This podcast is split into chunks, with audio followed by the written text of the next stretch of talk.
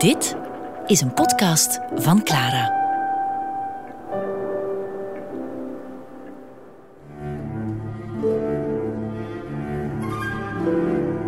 Leven en lijden van Godfried Bomans. Met Padone. Wie was Bomans eigenlijk? Daar valt niet in 1, 2, 3 op te antwoorden. De favoriete tv-oom die zijn publiek charmeerde en over het hoofd aaide? Of de scherpe makelaar in meninkjes, niet te beroerd om machthebbers in hun hem te zetten? De jongensachtige echtgenoot die genoot van een ronkende poes bij de kachel en de tintelende stilte van de huiskamer? Of de womanizer op wie honderden meisjes verliefd zouden kunnen worden als hij het zou willen? Een van de meest tot de verbeelding sprekende personages die Hergé in zijn Kuifjes-serie opvoert, is de tweeling Jansen en Jansen. Een burlesk duo dat onbeholpen door de wereld struikelt en van de ene bestudeerde verrassing in de andere valt. Godfried Bomans lijkt op hen. Hij is op zijn eentje een tweeling, misschien wel een meerling. Op zijn eentje houdt hij een hele familie Godfriedjes bij elkaar. Als het meervoudig persoonlijkheidssyndroom niet zou bestaan, hij had het uitgevonden. Om al die ikjes en egootjes niet met elkaar op de vuist te laten gaan, schuift hij een gordijn tussen hen in. Zo blijven ze uit elkaars haren en blijft het leefbaar.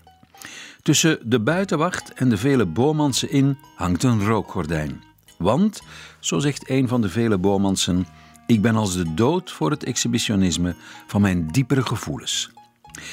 In deze podcast hoort u Wim Hazeu, Gerdelij, Jan van Rompuy, Annemarie Oster, Guy Mortier, Louis Ferron, Harry Prik, Annemarie Feilzer, Jan Koen Bangert, Roland de Meerlere, Michel van der Plas en, jawel, hemzelf, Godfried Bommens. Ik heb de naam een, vrij goede zaak te zijn, omdat ik altijd meespeel in het hoogovertoernooi. Dat vinden de mensen dan geweldig. Maar eh, wat uh, men niet weet, is dat je daar ingedeeld wordt naar sterkte. Dat ik dit jaar niet bij de grootmeesters zou worden ingedeeld. Dat was te voorzien, maar het heeft toch menigeen gespeten. Ik vind het ook niet verstandig. Ik mag dan minder goede momenten hebben. Welke speler heeft hij niet? Maar men had mij toch moeten opstellen. Dan was het alleen maar om het speltype dat ik vertegenwoordig. Dit is voornamelijk aanvallend.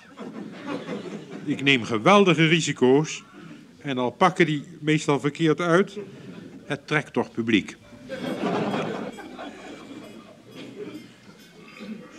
Mijn kracht schuilt niet zozeer in de zetten, als wel in de verbale begeleiding. Bij een werkelijk goede zet van mijn tegenstander heb ik de volgende zin gereed. Meent u dat werkelijk? De man schrikt. En kijkt me aan. U kunt hem terugzetten als u wilt. Dat kan natuurlijk niet, maar ik zeg het toch. Hierna blijf ik een tijdje hoofdschuddend zitten kijken. De gelaatsuitdrukking die ik hierbij aanbeveel is niet zozeer verbazing als wel de deernis medelijden. Men doet nu vlug zijn zet en zegt, jammer van de stelling. Beter is nog om niets te zeggen en het notatieboekje op te bergen. Dit betekent de partij is uit, verder schrijven heeft geen zin meer. Het effect van deze vondst is verpletterend.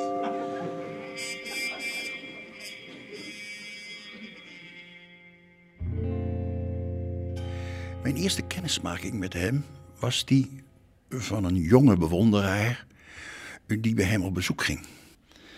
Hij doet mij open. Hij gaat mee voor naar boven naar zijn werkkamer. Daar staat een heel groot bureau dat hij nog van zijn vader, die intussen gestorven is, heeft geërfd. En dat is er één met allerlei laadjes en vakjes. Zo'n geheim groot bureau waarin je allerlei geheime dingen kunt verstoppen. En hij begint meteen, en dat is een belangrijk punt om dat al vast te stellen bij onze allereerste ontmoeting, aan mystificatie te doen. En wel op de volgende wijze. Terwijl hij mij antwoordt, trekt hij wat achterloos, een laadje open van dat grote bureau. En er komt een piepklein poesje uitgekropen. Dat gaat zich over het tafelblad bewegen en dat kruipt tegen zijn arm op. Hij trekt met dezelfde argeloosheid en achterloosheid een tweede laadje open. Ook daar verschijnt een jong poesje uit. En binnen de kortste keren heeft hij zes verschillende laadjes, zeven van dat bureau geopend. En hij zit bedolven onder de jonge poesjes. Mystificatie, vind ik dat. We werden door Bomans ontvangen in zijn huis. De trap op naar boven. Op zijn kamer waar de tabakswalm uh, hing stonden drie stoelen. Op de ene stoel zat Bomans, uh, op de tweede stoel zat een kat en op de derde stoel was het leeg. En ik ging op die derde stoel zitten, want ik was toch de interviewer. Maar de fotograaf was zo brutaal om die kat uh, weg te slaan. Waarop Bomans zei: Het interview gaat niet door, want de kat heeft evenveel recht op een zetel als een fotograaf. Dus meneer de fotograaf, of u zet die kat terug en u gaat op de grond zitten, of het interview gaat niet door. Nou, die fotograaf koos eigen voor zijn geld. En dit was mijn eerste uh, contact met uh, Godfried Bomas. Het maakte op mij een enorme indruk. Ik had nog nooit iemand meegemaakt die zo brutaal was. Dat je dat durfde. En toen gingen we naar zijn huis. Uh, maar dan eerst gingen we de tuin bekijken. Het was dus echt een winter, het was januari denk ik. Er stond niks in bloei. En dan vroeg je zo, wat denkt u van deze bloemen? En ja, daar stond zo'n, wat ik dacht, een soort opgeschoten bloemkool of zoiets. Vond het verschrikkelijk. Maar ja, wat moest ik zeggen? Hè? Ik zeg, ja, dus, dus niet mis of zo. Zeg. Dus onkruid ga ik straks omspitten. En dan moesten we het tuinhuisje in. Dat waren van die witte tafeltjes en stoeltjes zo, met een laag stof op. En zei, nou, we hebben hier gisteren vergaderd. Daar zat Roland Holst, daar zat Kemichelt, daar zat Toon Hermans. Ja, we zouden het eigenlijk moeten opruimen, maar ja, we hebben niet zoveel tijd en dan waren we weg. Dat was dus natuurlijk duidelijk niet waar, maar dat was om zo je te testen hoe reageert zo'n man, zo'n Vlaming, zo'n zo'n snotaap. Dat zal ik wel geweest in zijn oog. We zaten dus in, de, in zijn werkkamer van Bomans, herinner ik mij nog een, een chockvolle uh, uh, werkkamer met overal boeken en ongelooflijke rommel. En uh, midden in het uh, interview zegt hij opeens, ja, jullie moeten me even verontschuldigen nu, ik moet even naar beneden. Dus hij verdween.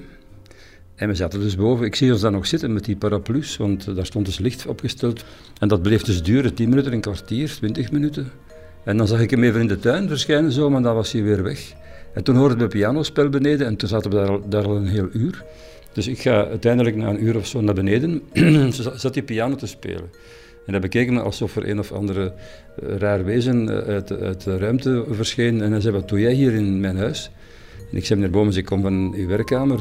Ja, dan is de vraag, wat doe jij in mijn werkkamer? Ik zeg, wel, we waren u aan het interviewen en uh, u bent weggegaan. Ja, ja, dat, is, dat werd hem dan toch weer opeens, dat schoot hem toch weer te binnen. Dan is hij dus gewoon terug meer naar boven gegaan en is het interview verder gezet. Ik, maar je weet dus nooit, speelt hij dat nu eigenlijk, of is hij echt zo verstrooid?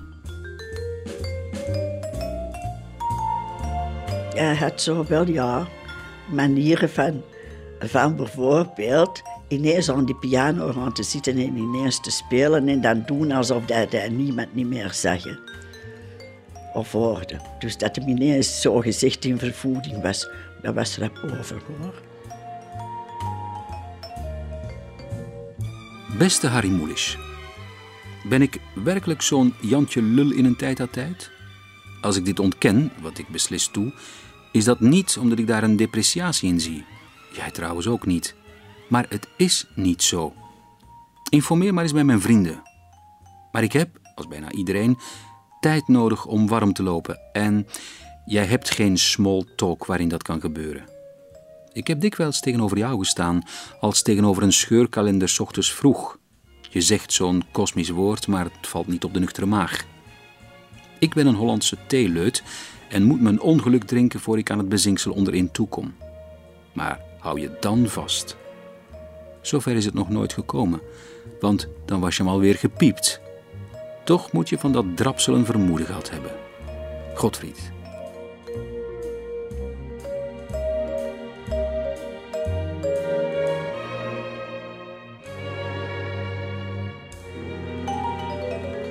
Ik weet niet of hij bewust een mythe van zichzelf maakt. Uh, dat is ontstaan en dat, uh, dat is zo gegroeid. En dat hebben ook dat hebben zijn omstanders voornamelijk gedaan. En die mythe hield hij wel in stand. Ja, dat kwam hem wel goed uit natuurlijk. Ik herinner me daar sterke voorbeelden van, waarbij hij een, een gezelschap zelfs min of meer in lichte paniek brengt. Doordat hij zegt over paragnostische gaven te zijn gaan beschikken. Die zijn hem overvallen. Zo weet ik bijvoorbeeld, zegt hij achterloos, dat straks klokken twaalf aan de overkant van uw huis in deze straat een man van links aan de overkant zal naderen in een donkere regenjas.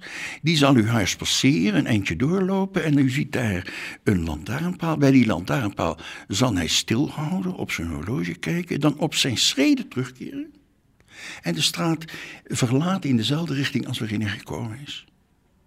Zij gaan voor het raam staan en alles geschiet precies zoals Godfried het heeft voorspeld, om klokken twaalf.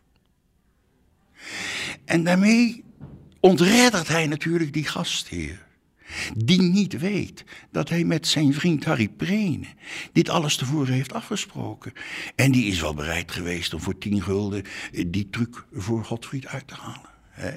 Wel, zo steekt hij vol ja, practical jokes, eh, die toch als noemer hebben het in verwarring brengen van gezelschap. Hij deed zich voor als, als verschillende persoonlijkheden. Nee, uh, het schoonste bewijs daarvan was dat hij in, in Nice geweest is op een receptie. En dan ging hij overal bij allemaal die verschillende groepjes eens gaan babbelen. En in elk groepje deed hij zich voor als een totaal andere persoon. Bij die was zij een humorist, met een ander groepje was ze melancholisch. Hij fantaseerde dat volledig. Eh, als je daar uh, weggegaan is, zullen ze met een zestal verschillende uh, blijven zitten zijn. Ik heb een heilige angst om intimiteiten mee te delen. In gesprekken met vrienden laat ik me wel gaan, de anderen hebben er niets mee te maken. Ontvluchting? Nee, dat zou zo zijn als ik me nooit liet kennen. Misschien ga ik als schrijver in die kuisheid te ver, dat weet ik niet. Wat raadselen schijnen, moeten maar raadselen blijven. Toch, met het klimmen der jaren wordt de mens mededeelzamer. Ik krijg er minder moeite mee, merk ik. Maar vergeet niet, ik heb er weinig oefening in gehad in openheid. Vroeger, thuis over jezelf praten werd aanstellerig genoemd. We zwegen. Je blootgeven, hoe dan ook, dat deed je niet. Overdreven heette dat. Dat woord heb ik zo vaak gehoord. Ik heb vroeger een pseudoniem willen nemen. B. Majorik. Beter ik. Ik heb het overgedaan aan een ander. Hoe creëerde hij zijn eigen mythe? Door, door, door zich als dat rookgordijn voor te doen. Dat, dat werkte feilloos. Hij was als een grote grappenmaker en een grote gangmaker. En die ook nog suggereerde dat hij af en toe iets diepzinnigs te melden had door dingen net zo te formuleren dat ze voor de argeloze kijker diepzinnig leken. Wat ze meestal niet waren. En dat waren gewoon knap verpakte eh, algemeenheden, tegeltjeswijsheden. En ja, zo word je wel een mythe natuurlijk. En wie, wie zal de echte Bomans gekend hebben? Ik weet het niet. Ja, eigenlijk uh, wist ik heel weinig over hem.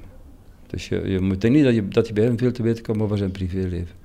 Maar als je daarover begon te praten, en ik heb dat met hem toch wel even in Schiermonniko gehad, maar zonder de camera erbij, dan, dan klapte hij dicht. Daar zei hij heel weinig over. Ik heb hem daar heel weinig over horen zeggen. Niemand heeft ooit, behalve misschien een paar intimi, maar niemand heeft ooit de echte Bomans te zien gekregen. Want die ging schuil achter dat rookgordijn van flauwe grappen, van woordspeligheid, van uh, studenticoze humor en... Uh, dat is de Bomans zoals hij zich presenteerde. De quasi-autoriteit, de, de zogenaamde Sinterklaas, de zogenaamde pastoor of bisschop. Maar het waren allemaal rookgordijnen om, om, om, om de echte Bomans uh, achterwege de, buiten het zicht te houden. Niemand mocht weten hoe kwetsbaar die man uh, misschien wel was. Er is ook nog nooit iemand achtergekomen, behalve misschien een paar vriendinnen van hem. Maar daar ben ik niet bij geweest. Als ik dan te dicht bij hem kwam, dan ging ik of piano spelen of wandelde het bos in bij hem thuis. Uh, veel later al. dat is sterk een indruk geweest. Kom niet te dicht bij die ziel van jezelf. En het bevreemde mij daardoor, hoewel hij ontzettend graag gezien was, steeds afgevraagd wie waren zijn intens goede vrienden. Waar hij er wel over sprak. Elke keer als er iets dreigde.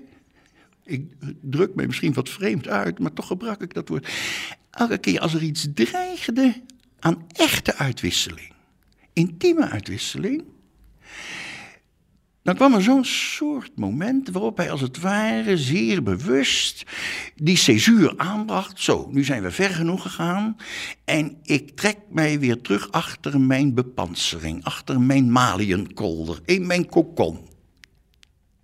Ik lever mij niet uit. Om eens een woord te gebruiken van de dichter Aafjes in een van zijn gedichten. Uit het koningschap, een koning levert zich niet uit. Hij had zichzelf heel hoog. En hij droeg aangaande zichzelf geheim mee dat hij, ik vraag mij af, aan wie eventueel waarschijnlijk altijd heeft voor zich weten te houden. Uh, je kunt je zelfs afvragen uh, in hoeverre hij ooit aan zijn echte leven is toegekomen, aan zijn, aan zijn, aan zijn diepere ik. Dat, uh, hij was je hebt wel eens mensen die zodanig lang en, en, en, en, en vakkundig met een masker rondlopen. dat ze voor zichzelf op een gegeven moment niet eens meer weten dat het een masker is. Dat hun masker de werkelijkheid wordt.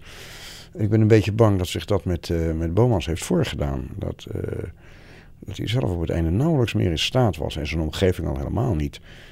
Om de, ja, de, de, binnenkant van de buitenkant te onderscheiden. Hij, was die buitenkant geworden op het laatst tragische verwisseling van, van binnenkant en buitenkant. Die heeft zich, uh, denk ik, bij hem voorgedaan.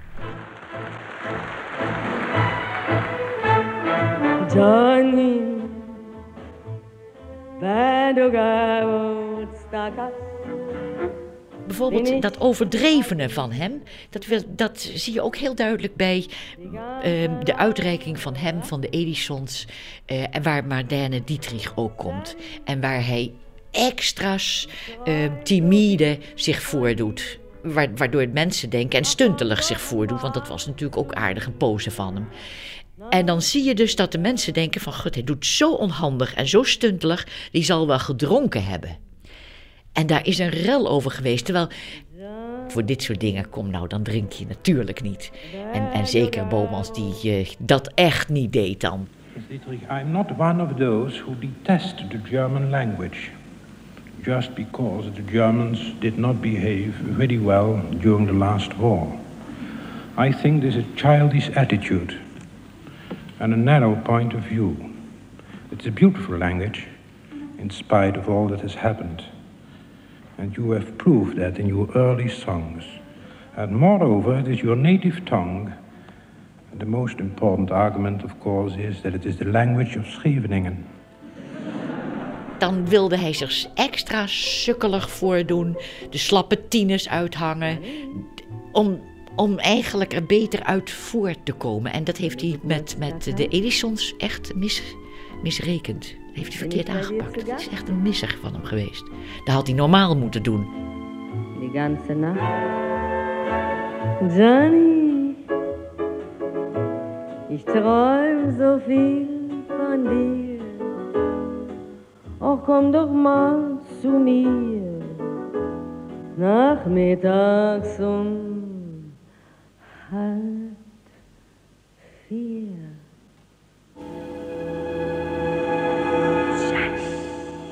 In maart 1997 werd een collectie brieven geveild die Bomans tussen 1947 en 1970 aan zijn geheime liefde Maria Gude schreef.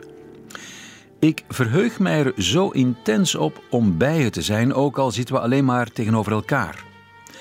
Na zijn dood bleek hij talloze vrouwen al dan niet openlijk te hebben gekoesterd. Godfried Bomans mocht ze graag. Ik kan het alleen niet helpen dat ik van je houd, schrijft hij een van hen. En dat is mijn enige slechtheid. Vrouwen vielen naar verluid voor de charmes van de aandoenlijke en ogenschijnlijk verstrooide Bomans, zegt een intimus. Zo'n jongen was een verademing tussen de stijve heren die zich op hun twintigste al gedroegen als bedaagde vijftigers. Ze vonden hem leuk en kwetsbaar, met die bruine, schele ogen en die grote mond en een heel klein neusje. Hij had natuurlijk een geweldige charme. Zeker voor vrouwen, hè? want ja, iedereen was altijd uh, weg ervan. En uh, ik, ik, ik, ik uh, heb dus verschillende keren ook gevraagd aan, aan jonge vrouwen die het dan altijd hadden over een man heeft het of heeft het niet. Maar er werd gezegd, nou, en of heeft hij het? En dan zei iedereen volmondig, ja, Godfried heeft het, en of. Zoals hij erbij zat als hij naar Schubert zat te luisteren, was hij, was hij doodstil en, en, en helemaal van de wereld weg, sloot zijn ogen en uh, deed zijn hoofd achterover. Een enorm grote kop had hij. Heel groot hoofd. Een heel, ontzettend leuk hoofd. Ja, ik raak helemaal in vervoering opeens als ik er aan hem terugdenk. Terwijl ik echt totaal niet verliefd op hem was.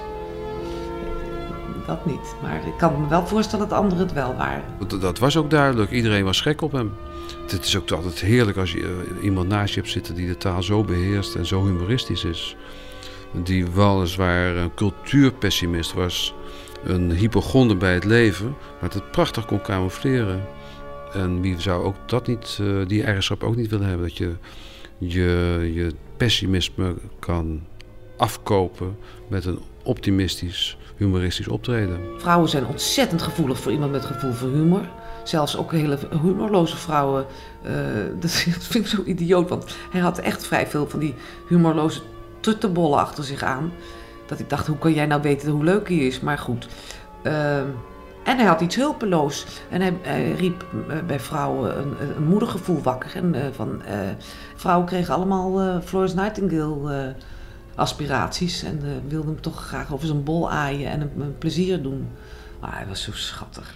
Ja, uh, ik moet erkennen, uw opmerking is uh, volkomen juist en dat zal ook bij alle aanwezigen gedeeld worden. Wanneer je zegt een gek mens, dan bedoel je daarmee een vrouw. Daarin zit voor vrouwen, dacht ik, een groot compliment. Uh, mannen duiden we met het woord gek mens niet aan. Dit wordt vanzelfsprekend aangenomen. ja, datgene wat ieder weet, wordt niet apart vermeld dat de andere helft van de mens blijvend in de war is. Daarin berusten we en dat valt ook niet als zodanig op. Die helft hebben we al geruime tijd opgegeven. Eh, de slang heeft ook het eerst Eva verleid. Die andere helft was de moeite niet. Eh, die was praktisch al binnen samenvatting kom ik tot deze conclusie, geloof ik. Wanneer we zeggen een idioot mens, dan denkt ieder direct aan een vrouw. Omdat we over mannen in dit opzicht helemaal niet hoeven te denken. Dat staat al lang vast. Daarom vallen mannen ook altijd mee. Ja, dat is mij dikwijls opgevallen. Als een man iets eh, verstandigs zegt, dan denkt een vrouw... hé, hey, en het is door deze geringe verwachting dat zoveel huwelijken goed blijven. Vrouwen verwachten niet veel van een man. En daarom valt het hun nog mee ook. Ze denken 25 jaar lang telkens, hé. Hey. En zo halen ze een zilveren bruiloft. Er wordt nogal eens de vraag gesteld... wat zocht Bomans bij vrouwen? De vraag is legitiem, want hij heeft er vele gekend. Wat hij bij vrouwen zocht was op de eerste plaats, denk ik, gewoon schoonheid. Hij zag graag mooie vrouwen. Hij keek daar met, met, met, met welbehagen naar, naar mooie vrouwen. En ik heb hem ook nooit in het gezelschap gezien van, van een niet mooie vrouw, om het zo maar eens te zeggen. Ik vond ze altijd heel mooi. Hij zocht er ook een klankbord. Vrouwen hadden, konden voor hem een soort waardering opbrengen voor aspecten in zijn werk die hij eigenlijk nergens vond in, zeg nou maar, literaire besprekingen van dat werk. En hij vond vrouwen die tegen hem konden zeggen, vanuit hun eigen hart: Godfried, ik ben trots op je. Na dergelijke uitspraken kon hij echt haken. Daar kon hij naar, daar kon hij naar verlangen. Ik denk dat hij ook in, ook in zijn relaties met diverse vrouwen... eh, allerlei redenen had om zelfs dan zijn masker voor te houden. Als hij zich had blootgegeven zoals hij in werkelijkheid was. Een wat tobberige, toch wel vertwijfelde man, denk ik, uiteindelijk. Dat vinden vrouwen niet zo leuk. Ze willen wel een wat jongensachtige, onhandige en als het uitkomt goed formulerende qua jongen. Nou, die konden ze krijgen. Maar de, de, de hulpeloze tobber, die die misschien achter, de, achter dat masker was, die zal die ook aan die vrouwen niet hebben laten zien, denk ik. Er waren vrouwen die ongelooflijk achter hem aan liepen. Echt, echt achter lopen hoor. En ook met de brieven als je dat ziet. Oh, wat een dweepzieke vrouwen waren erbij. Verschrikkelijk. Gênant. Maar hij was natuurlijk wel erg aardig als hij een, een, een, uh, ergens was uitgenodigd bij mensen. Hij antwoordde dus altijd met een aardige brief. En dan is het altijd innig omhelst. En dan was het een 99-jarige. Of een dikke zoenen, et cetera. En dan was het een 12-jarig meisje. Ik heb daar eens een keer een aantal voorbeelden uit zijn brieven aangehaald. En dat je denkt van nou, wat heeft die niet een fantastisch amoureuze briefwisseling met die of die gehad. En dan waren het dus dat soort voorbeelden. Hij, hij is gewoon aardig altijd geweest. Het overkwam hem meer, denk ik, dan dat hij erachterheen zat. Uh, een, een, echte womanizer kon je hem niet noemen.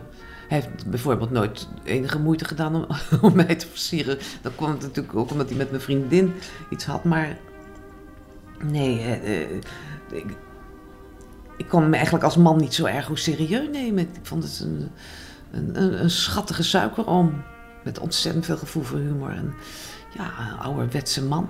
Een van mijn eerste vriendinnetjes, die dus uh, op een gegeven ogenblik ook naar, naar een lezing ging van Bomans. En die daarna met Bomans in, uh, in gesprek raakte. En ja, die dus ook in de kortste keren, uh, want hij had van die erg mooie lange lokken. En in de kortste keren was Bomans met die lokken aan het spelen. Hè? En ja, zij was zij was dan van de ene kant toen vond dat wel leuk. En tot, maar van, van de andere kant ook een beetje ja, wonderlijk. Hè? En een beetje, een beetje spelen met vuur. Maar goed, uh, ja, ze, ze, liep natuurlijk niet met een bord. Dat ze een vriendinnetje was voor mij. En uh, maar toen deed hij, uh, nou ja, zei dus toen zo'n meisjes zeggen dat flirten, die zeggen vaak wat ze zouden willen dat er gebeurd zou zijn. Zoiets had hij toen. Maar hij ging er niet op in of het heel, heel ver van zich af.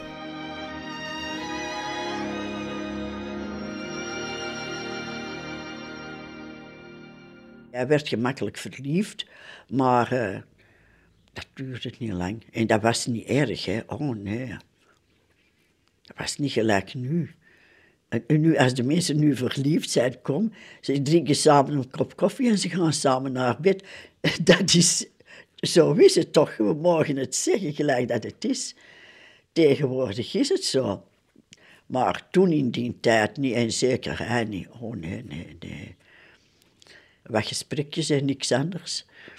Ik geloof niet als er als die suggestie gewekt wordt dat hij, uh, dat hij een, een, een buitengewoon uh, bijzonder dubbel leven leidde. Hè? Dat hij de ene vrouw naar de andere aan het rapier reeg. Uh, daar geloof ik niets van. Uh, was niet het bohemien type.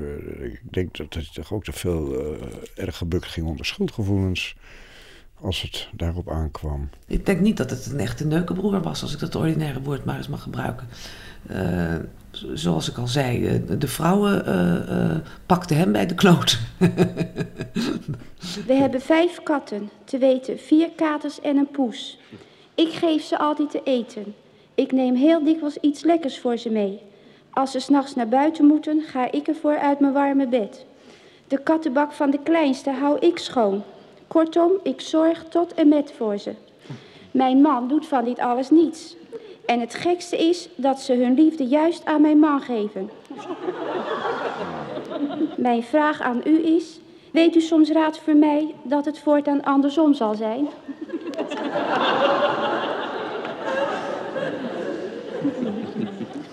Hoe komt dat? Dat komt omdat hij uh, uh, de uitzonderingen zijn u de regel. Ze zien u te veel. Hij, uh, hij is de krantenbol, u bent het witte brood. Ik geloof dat aan de bodem van uw vraag zit een heel ander probleem. kijk, er zijn in elk huwelijk poezen die zo'n huwelijk bedreigen. Um, dat zit iets unfairs in. Vind ik tenminste. Um, je hebt vrouwen die, die zorgen voor hun man, ze snijden het brood, ze maken het huis schoon, uh, bakken en ze stoppen kousen. En opeens verschijnt er in zo'n huwelijk als een blikseminslag een vrouw die dat allemaal niet doet. en waarmee een man dan ook aan de haal gaat. Zij is het snoepje. En nu is de moeilijkheid hoe moet je dat vermijden? Want dat zit aan de wortel van uw vraag. En ik geloof dat een vrouw moet proberen om uh, snoepje te blijven, uh, minnares te zijn. en ik, ik geloof dat dat het enige is waardoor u dit gevaar kunt bezweren. Ja, hij, hij hield wel een beetje van mij, maar dat zijn dingen zo van die amitié amoureuse en dat gaat vlug over. Hè. En langs mijn kant, ik ben nogal nuchter. Ik, uh, ik word niet verliefd. ik ben eerder naar de nuchtere kant. Want over zo'n verliefdheid, en ik vind, per slot van rekening, is het, denk ik toch hoor, een min of meer lichte, min of meer langdurige vorm van een beetje waanzin. In heel de literatuur, in heel de wereldgeschiedenis alle grote gepassioneerde verliefden gaan dood of, of ze, ze worden van, door het water gescheiden of ze springen in het water of ze doen niet. Maar dat komt nooit niet in orde. Ik zelf betwijfel het. Of Godfried een sterk erotisch leven had. Ik bedoel dan in seksuele zin natuurlijk. Ik betwijfel dat. Ik geloof dat hij... Uh, dat dat niet in zijn aard lag. Hij was terughoudend had een zekere reserve. En uh, ik denk dus dat wat de uitingen betreft van de omgang met vrouwen, die bovenal hebben bestaan in de uitwisseling van, van lieve gebaren, die een zekere onschuld in zich hebben. Een hand door zijn haar, een hand op zijn schouder. Dat waren voor hem kostbare dingen. En ik denk uh, veel grotere dingen dan de meeste mensen, zeker in deze uh, tijd die nogal overdrijvingen kent, uh, van belang worden geacht. Voor Godfried waren ze van groot belang. Ik denk dat, we, dat hij leefde in een tijd waarin je zeker tegenover de media je privéleven angstvallig verborgen hield. Dat was not done in die tijd. Dus de maskers die hij opzette, zal hij zal hij zeer goed en, en wel bewust, denk ik, gekozen hebben. Al naar gelang van hoe het hem uitkwam. Ontdek ook onze andere podcasts via clara.be. Clara Podcast. Blijf verwonderd.